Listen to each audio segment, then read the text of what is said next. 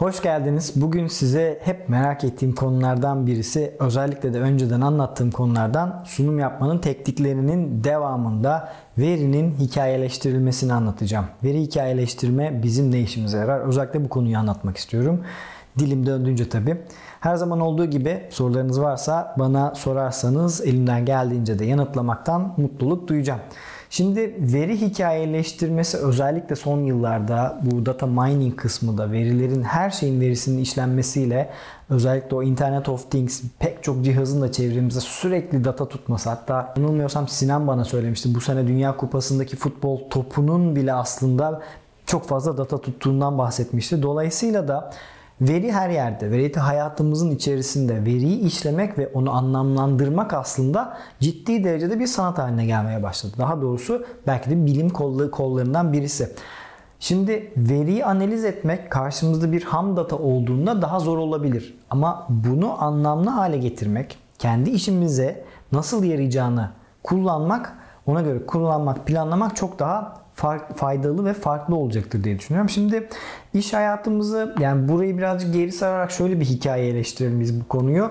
Şimdi iş hayatında koca gün aslında hepimizin birçok dikkat dağıtıcı unsur var ve yoğun pek çok şey yaşıyoruz. Pek çok yöneticinin en çok zorlandığı konu da aslında karar vermek. Karar verme sorularında, süreçlerinde hayatlarındaki doğru analizi yapabilmek. E tabii ki burada böyle baktığınızda biz insan olarak her şeye analitik yaklaşıp ona göre mi yanıtlar veriyoruz, ona göre mi kararlar veriyoruz? Aslında pek sayılmaz.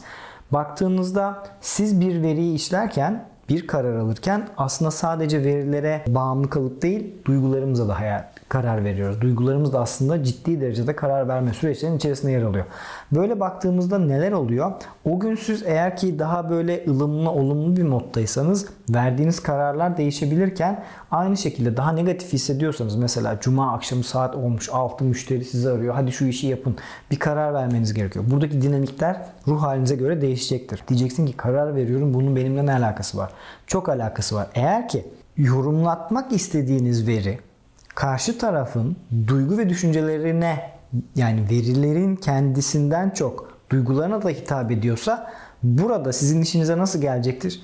Onun verinin içerisinde duyguyu da katarak doğru bir şekilde aktarmanız gerekecektir. İşte veri hikayeleştirmede tam bu noktada giriyor. Şimdi bunu aslında birazdan söyleyecektim ama Sinan burada bir tane veri analiziyle ilgili çok güzel legolardan oluşan bir görsel var. Onu sunum içerisinde bir yerlere, akış içerisinde bir yerlere entegre edecektir zaten.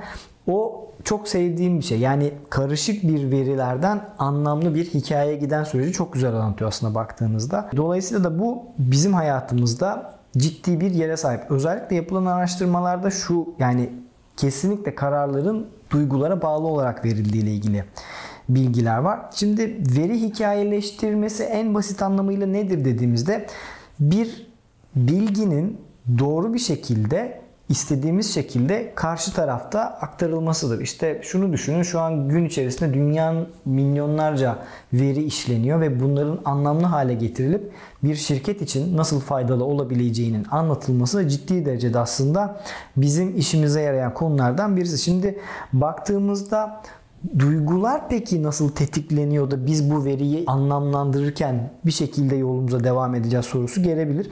Orada da karar alma süreçlerini etkileyen birkaç unsur var. Onlara değineyim. Aslında onlardan sonra veriyi oradan nasıl çekip alabiliriz? Birazcık da buna değinebilirim. Şimdi sorunu ve fırsatı belirleme ve tanımlama. Yani önümüzde çok net bir sorun olabilir. Ve biz de aslında Buna göre bir hareket etmemiz gerekebilir.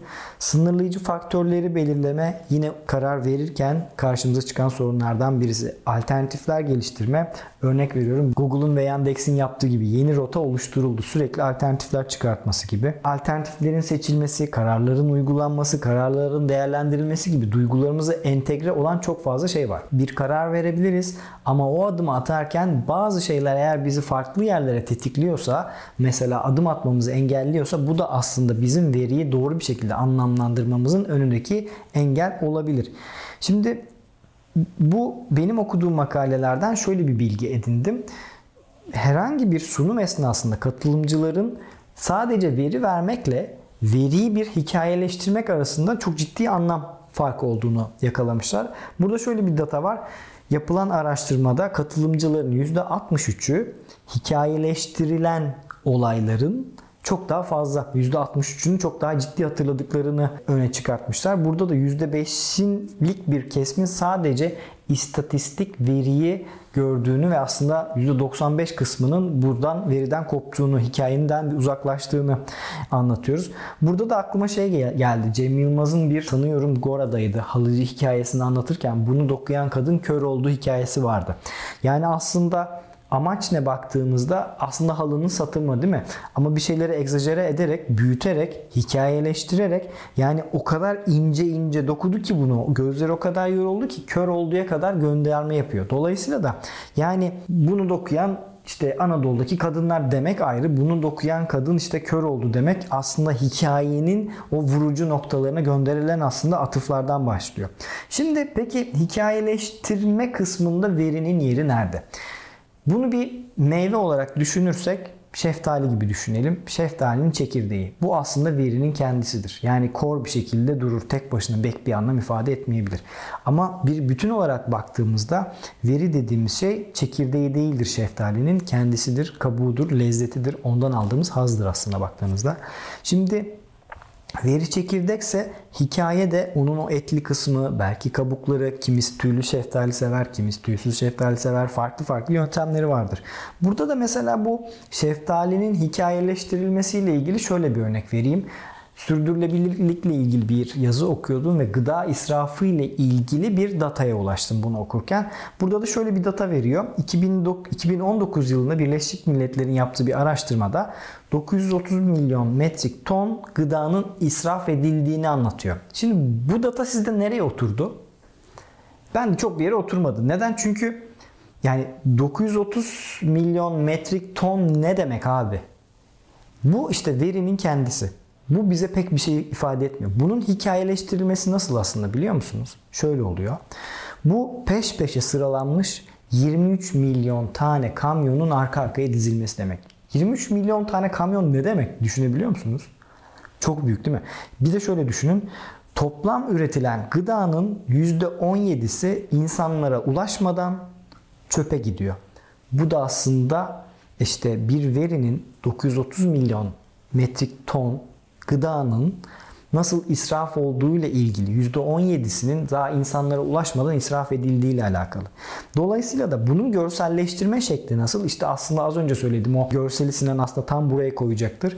Legolardan karışık farklı farklı renklerin bir arada olması, onların analiz edilerek belli renklere göre ayrılması, sonrasında ondan bir hikaye oluşturulması ve sonuca ulaşmak. Bu sonuca ulaşmak da meyve tabağı gibi düşünebilirsiniz ya da işte yaptığınız sunumdaki PowerPoint sunusu olabilir. Bu video olarak olabilir. Sosyal medyada infografik olabilir. Görsel olabilir. Neyse.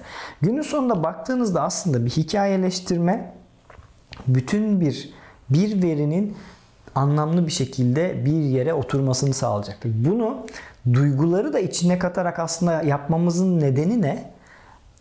Biz bu veriden bir bir yere varmak istiyoruz. Dolayısıyla da buraya giderken ki o süreç bizim işimize yarayacaktır.